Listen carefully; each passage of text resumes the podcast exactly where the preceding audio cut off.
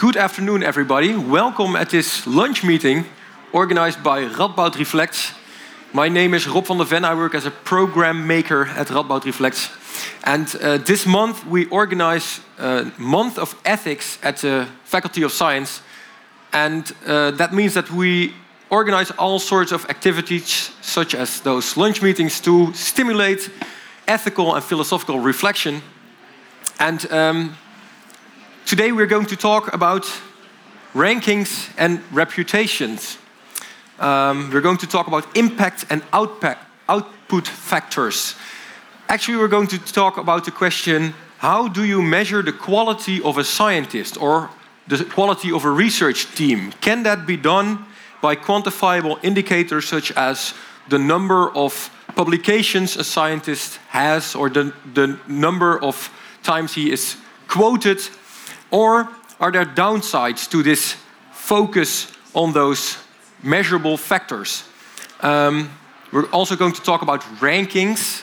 The university and the Faculty of Science is in a competition of becoming the highest ranks at uh, the global ranking, but it, should it be, is it important for the faculty to focus a lot on those rankings, or are there so many downsides that we maybe should focus on other things? That's what we're going to talk about.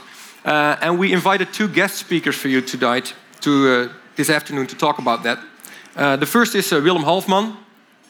He's an associate professor in philosophy and science uh, at uh, this faculty.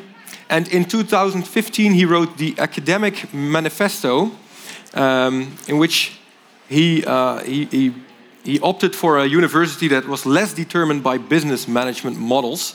And recently, he investigated the extent and causes of academic text recycling or self plagiarism.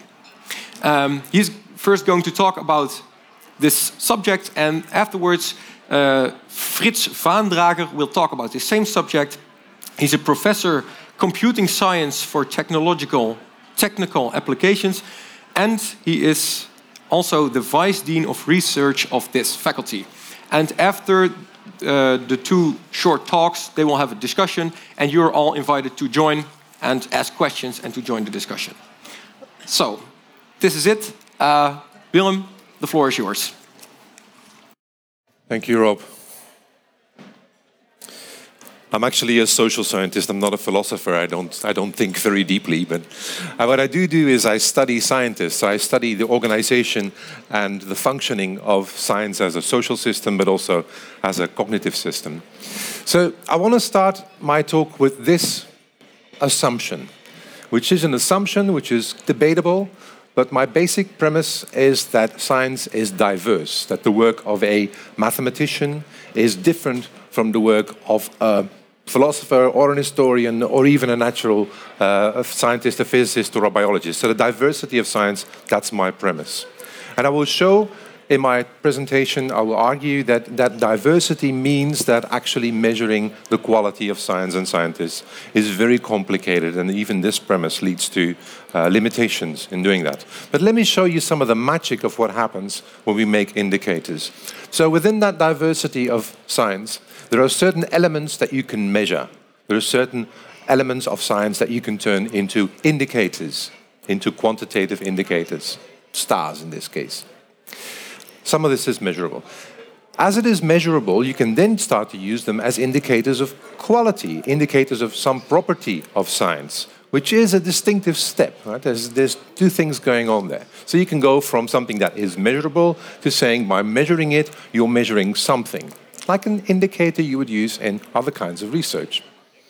And then once you have that indicator of something that's good, you can start making policy on this, which means you can start to distribute money, you can distribute jobs, careers, allocate resources to science based on those indicators. And now we've done something magical. In terms of the philosopher Kant, we've moved from something that is, from a fact, to something that ought to be but it looks like something objective. It looks like numbers. It looks like we've measured a property and we draw conclusions from that as what we should do. Not so spectacular. The real magic happens when you look at the systematic effects of this. Because what happens in the next step is that we start to turn these arrows around.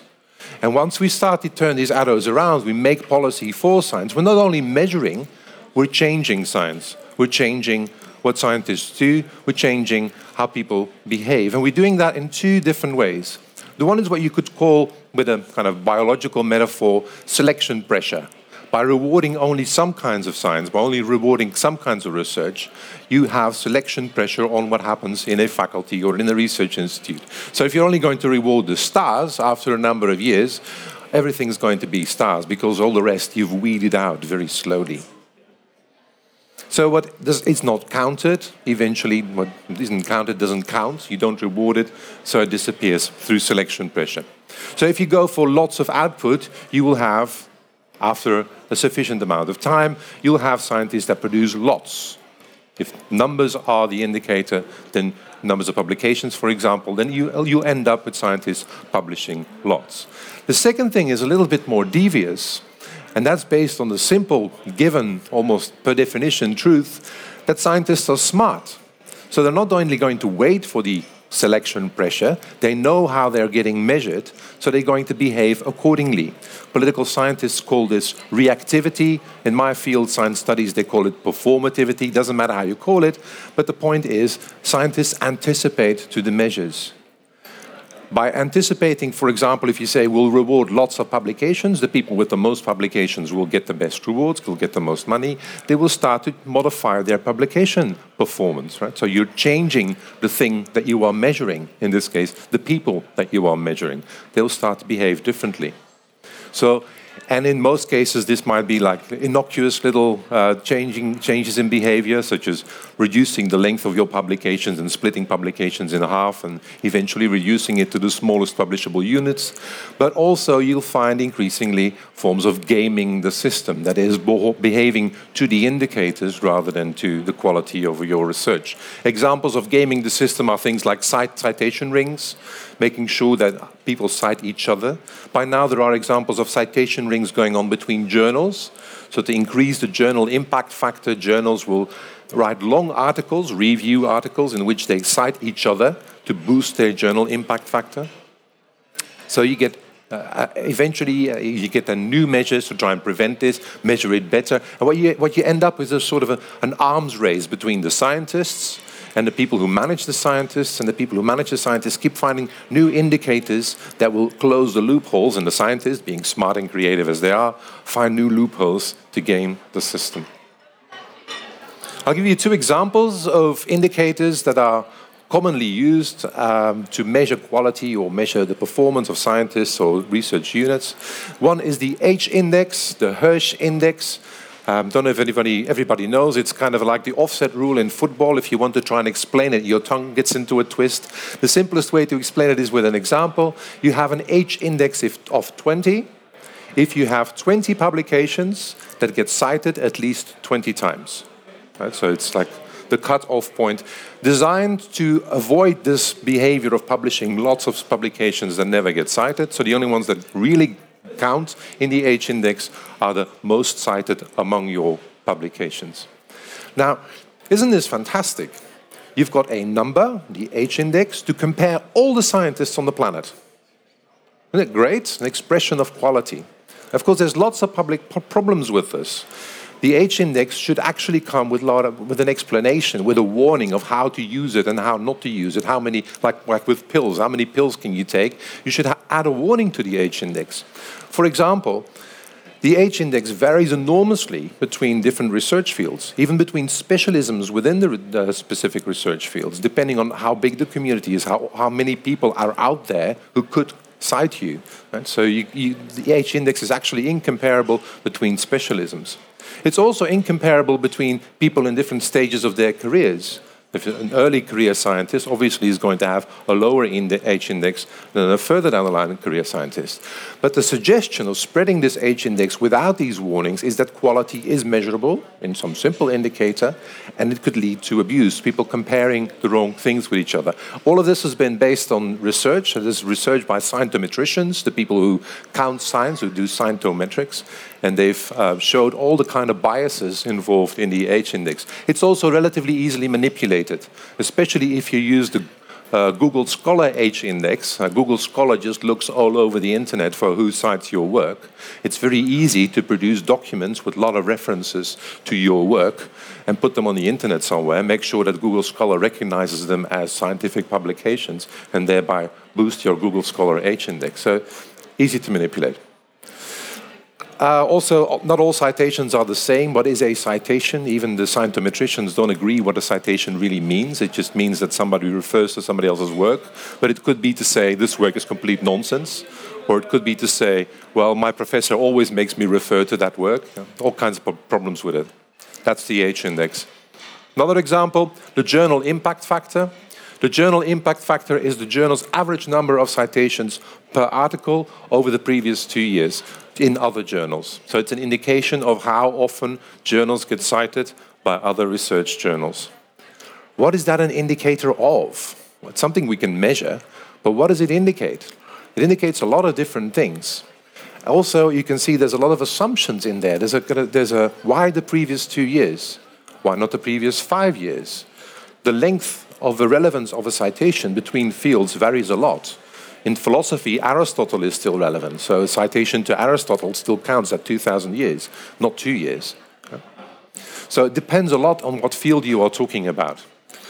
Just to give you an idea, the journal impact factor of the journal Nature is 40. You'd say, like, okay, journal, that's Nature, that's really prominent, right? That's like very visible. CA, Cancer Journal, 187. It doesn't say anything about whether the quality of this cancer journal is better than Nature. It says something about how publication practices work in cancer research. One of the best journals in my field, something that I would look into and really respect a lot, is Social Studies of Science.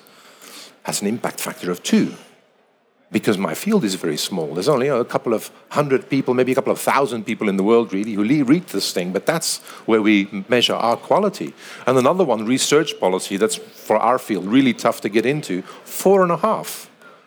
Means nothing you know, compared to nature, for example. So, what is this journal indicator, journal impact factor indicator of? The size of the field? Is it about the quality of the journal, or is it just the fact that um, the journal is very visible? A lot of people read it. What it's not an indicator of quality. It is abused horribly in some parts of Dutch science, even in some faculties in the Netherlands, as an indicator of article quality. So, if your article is published in a journal with a high impact factor, then it's used as an indicator of the quality of that article which is in statistics, it's called an ecological fallacy, using a group uh, measure to indicate the quality of member of that group.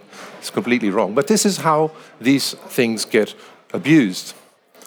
In 2012, a bunch of scientists got together and said, look, this journal impact factor is being so abused, we would like to just get, do away with it, stop using it. And they this petition has been signed by tens of thousands of people. Uh, there's a lot of uh, attention for it, but it goes on because it has specific functions for journal. So especially eliminated from funding, appointment, and promote, promotion considerations is what the recommendation was. Last example I'll give you is the Shanghai ranking for ranking universities. It's the same um, claim, that same suggestion that somehow this whole diversity of science all these different things, all this complexity, you can reduce it to one number and then compare universities with each other. If you think about it, it's a crazy thing to do. And if you look at how they do it, it's completely shoddy too. The Shanghai ranking basically bases its ranking on whatever is freely available in terms of information, what they can easily find for universities. What is it? The number of laureates in, uh, for the Nobel Prize and the Fields Medal, because that's available. They call that quality of education, right? So you're using the number of Nobel Prizes that former students of this faculty won as an indication of the quality of the education in this faculty, actually in the entire university. How shoddy is that? Quality of the faculty, of the staff, is the number of Nobel Prizes and Fields laureates and the most cited researchers in their field and then you add weighing factors to this. Completely random weighing factors. Why 20%? I don't know. Based on nothing. Papers in Nature and Science as relevant research output. uh, the number of papers in nature and science that's relevant for the natural sciences, it means you completely ignore all your social sciences, for example. The papers in the, in the Science Citation Index, a huge bias there for the kinds of journals that are in the Science Citation Index. Anyway, my point is there's a lot of conventionality in there, just putting all these different indicators together with weighing factors based on not so very much, uh, and then it produces a shoddy result. Now, some scientometricians, the professional people who have looked into the Shanghai Index, basically have summarized this whole thing as it's a poorly conceived, quick and dirty exercise with no value whatsoever. That's based on the scientometric research looking at what it actually measures. Yet this thing is used all over the place. And everybody says, well, we have to use it because everybody else uses it. It's a bit like saying, you know, we have to, somebody has got to take this bicycle that's been left unlocked because if we don't do it, everybody else will do it. Ethically, that's a pretty shoddy argument. If you want an alternative, here's a much more honest alternative made by the scientometricians in Leiden, which the Leiden ranking of universities, which honestly says on top, well, there are different ways to do this you have to choose your own indicator. In this case, I've given you the ranking with the number of publications of a university that belong to the top 10 in their field. And then all of a sudden, Harvard is not the top of the list, but apparently Rockefeller University manages to get the kind of scientists that get the most publications, that get the most often cited. It's, it's really relatively random. Plus, another interesting thing, they put uncertainty ranges around this which in other rankings never happens. So a university that will have a minute, small difference between the previous university will then be ranked in a different order because they are big and the measurement error is not included in these rankings. Right, so should we then abandon indicators? No, I don't think you should abandon indicators, but you should use them smartly. And here is something I really like, the Leiden Manifesto, written by scientometricians, so the people who make the indicators, who have now, after doing this for decades, have said, look, the abuse is too big. People, you know, we make these indicators, but you've you are abusing them for the wrong thing. So if you use them, use them wisely. And there are 10 forms of advice. I'll pick out a few. One of the most, the most important one, which is why they ranked them first, quantitative evaluation should support qualitative evaluation, so you can use it as input, as an indicator, but it should never replace the judgment by your peers, professional judgment.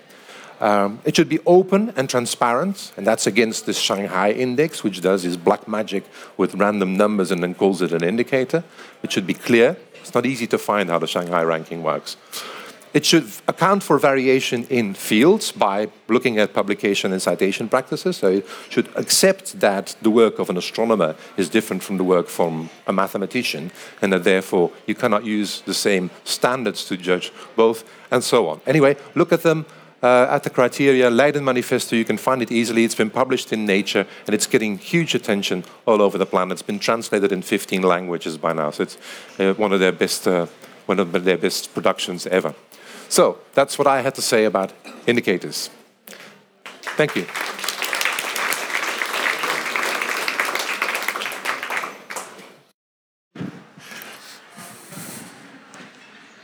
Okay, so let me try to give my perspective. Um, so, in the preparation of this meeting, uh, Willem and I discussed, and uh, we sort of agree on many points.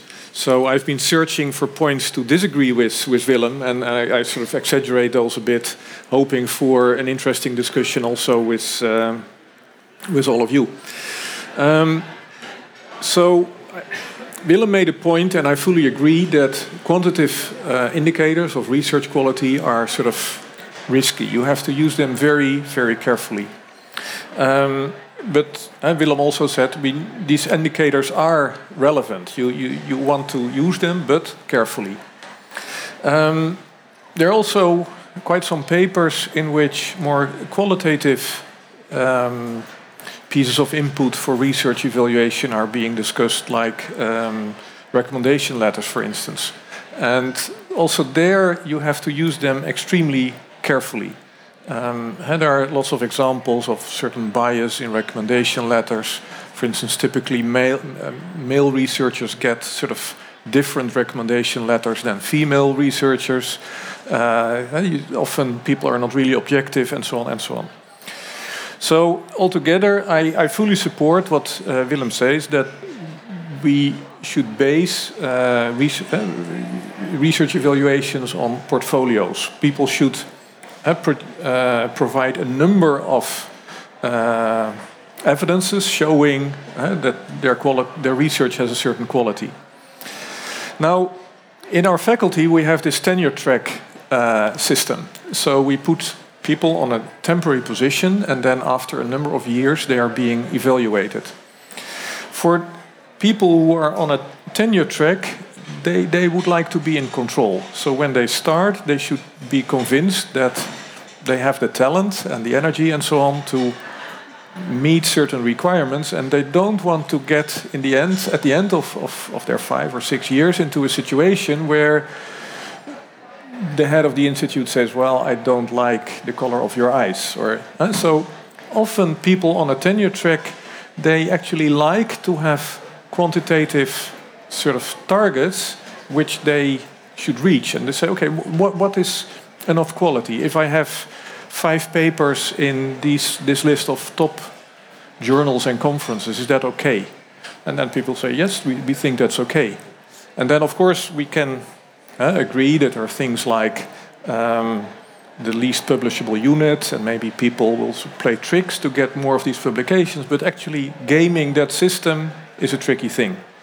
So, uh, I think um, anyway, in, in, in sort of evaluation of tenure trackers or also in, in sort of evaluation whether someone should get promotion, I think as a faculty it is very important that we fix criteria in advance.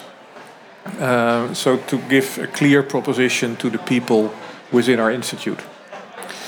So now there are a couple of um, sort of indicators. Uh, one indicator is number of publications. And that is an indicator which I think, uh, for, for good reasons, uh, is, is sort of out of fashion these days. Uh, so the Association of Dutch Universities, the VSNU, has uh, omitted uh, productivity as an evaluation criterion in uh, research assessments of, of institutes. So the idea is that, that sort of the number of papers you write that's not what, what uh, really matters. But this is a really important step. It means that it's becoming less important to uh, write large numbers of papers. Within our faculty, right now, we have a tenure track system which I think also is still a bit outdated in the sense that there are faculty wide criteria for the number of publications you should get per year. Um, and so currently we are considering to uh, change this system and have no quantitative requirements uh, for the whole faculty. We, we just have qualitative general requirements on the level of our tenure trackers. And only in individual cases, a tenure tracker can, uh, the, the committee appointing a tenure tracker can say, okay, well, if you reach, if you publish so and so much, then we think this is going to be enough to, to give you tenure. Um, and I think that that is a better system where you sort of try to balance um, uh, the, the, the one hand the idea that sort of we are interested in quality and not quantity of number of publications. But the other hand, we want to give uh, clear targets for people who uh, are work in our faculty. So uh, Willem mentioned uh, sort of self-plagiarism and the smallest publishable units as sort of bad practices that are triggered by uh, uh when you impose these publication targets.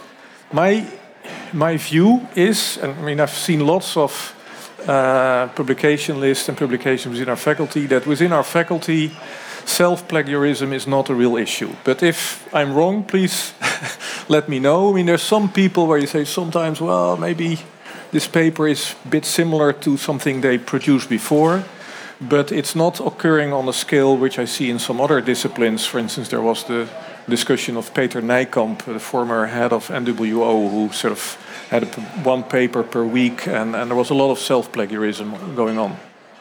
It does occur, however, even in, in the sciences. So last week, I've been reviewing a paper from my field, and basically the whole paper was self plagiarized together. A section from this paper, section from that paper. So it, it does occur.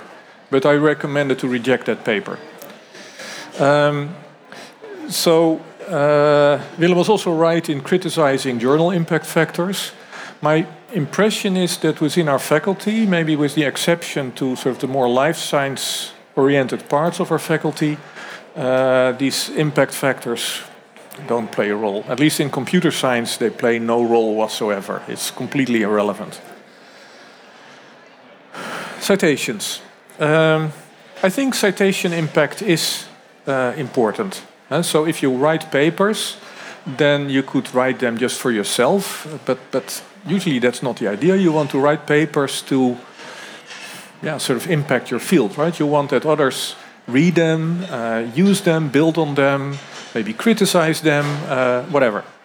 Um, now, the H index is sort of a stupid measure, but everybody knows this. So every, I think within our faculty, when there, whenever there is an appointment committee, people sort of may briefly look at the H index, but they realize that it is dependent on the research area, it's dependent on the age, and so on. So what's interesting about citations is to really delve into uh, what are these citations? How do they look like? Uh, what, what, what is the pattern which is emerging?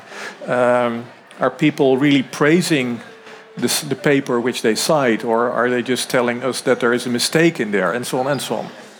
Uh, so I, I, I, think it's really a wonderful tool, and I see many colleagues using it. But you have to go inside Google Scholar and really explore the structure of, of all these citations. And then it's a starting point for a discussion on research quality.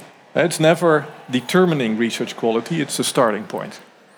So here is an interesting uh, diagram.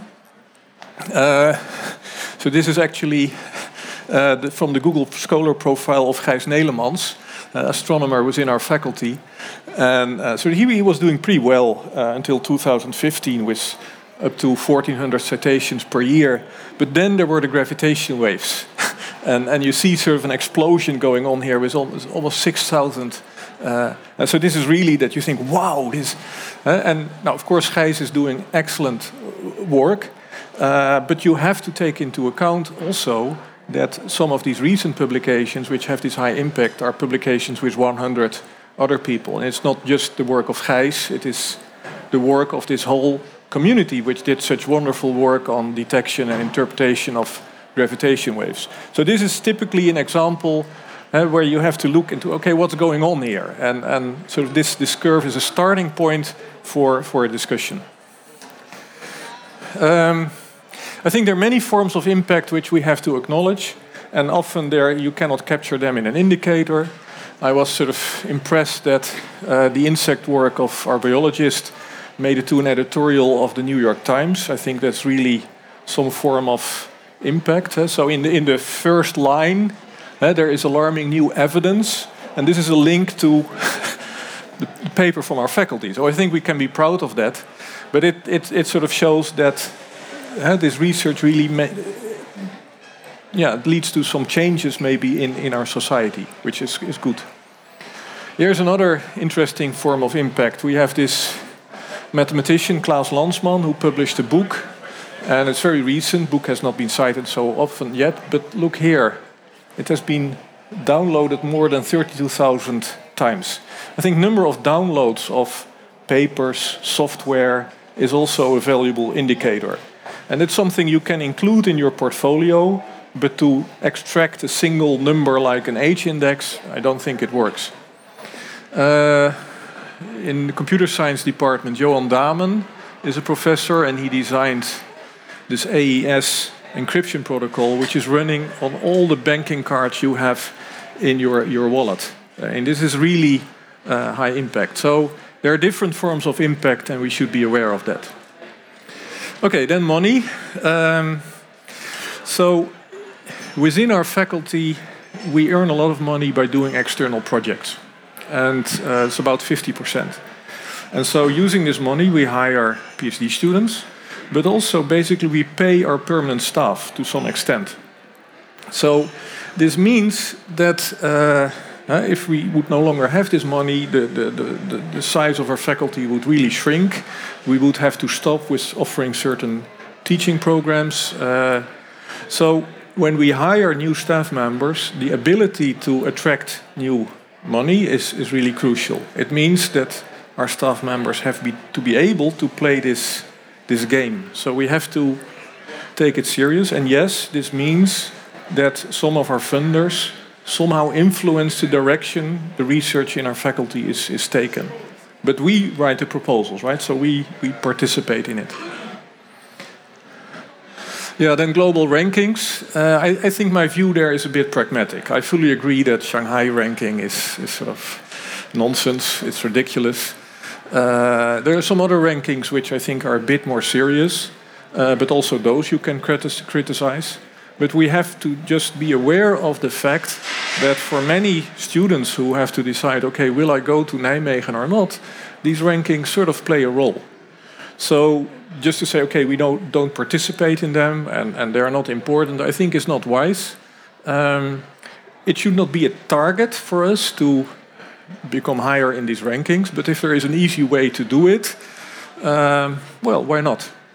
And so to, to, give just one example, and you can discuss whether this is ethical, but, but okay. So in Utrecht, um, there is this uh, uh, Nobel, Nobel Prize winner, het Hooft, and he was about to retire. And then, uh, yeah, that would impact the, the Shanghai ranking, right? Because so they offered het Hooft and uh, said, well, maybe you can have some small professorship until you're really very old and, and stay with our university. And so this was just a simple trick to influence the Shanghai ranking. Now, is this bad? Uh, I, I think it's, it's, it's sort of okay. And, but please, we should not take these rankings too serious. So there's no big parties if we go up in one of these rankings. Uh, just put it on our website, and that's it. Okay, that was my presentation.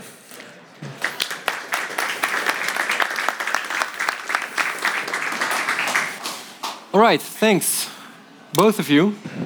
Please stand. Well, my first question would be you heard each other's talk.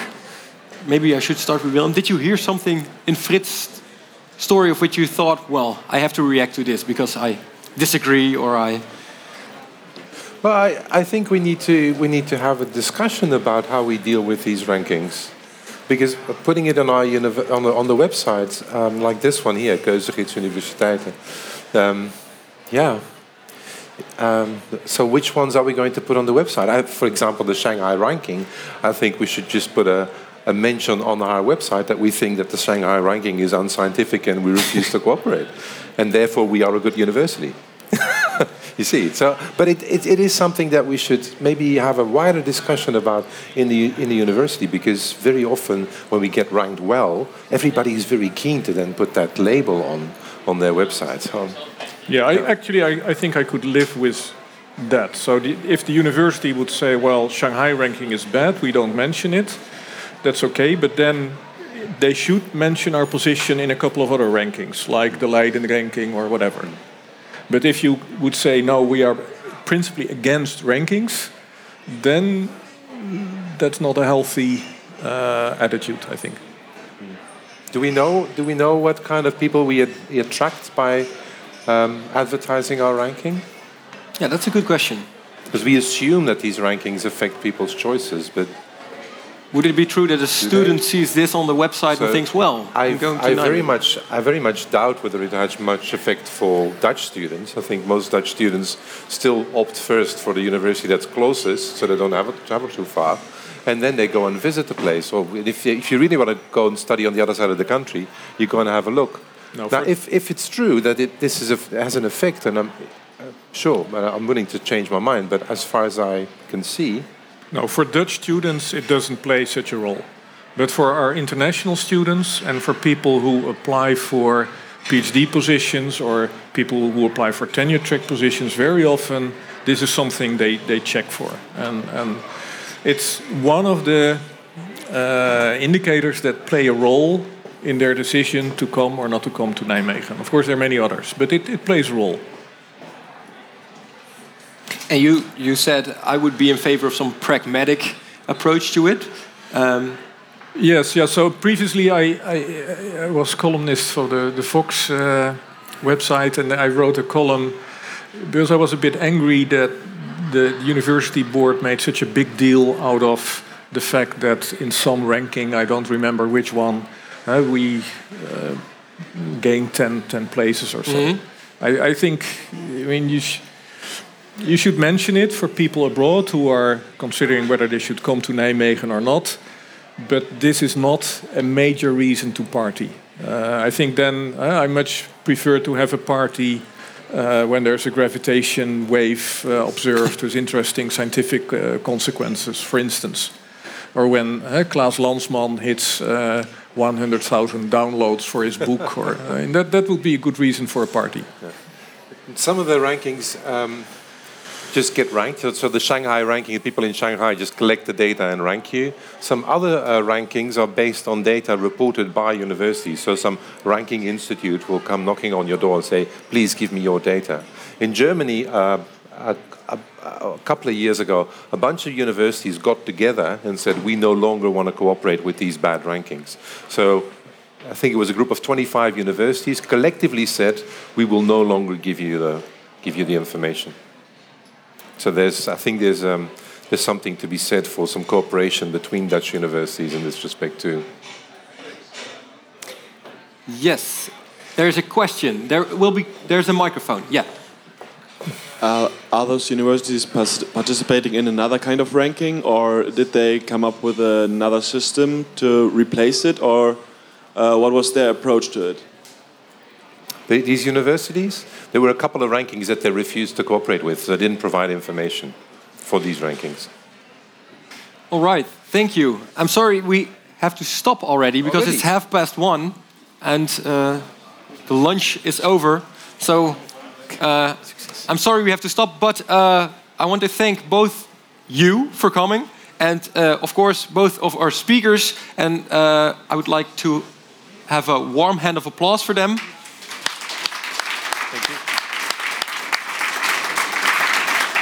Thank you for coming to this meeting and hopefully see you some other time at a Radboud Reflects event. Thank you.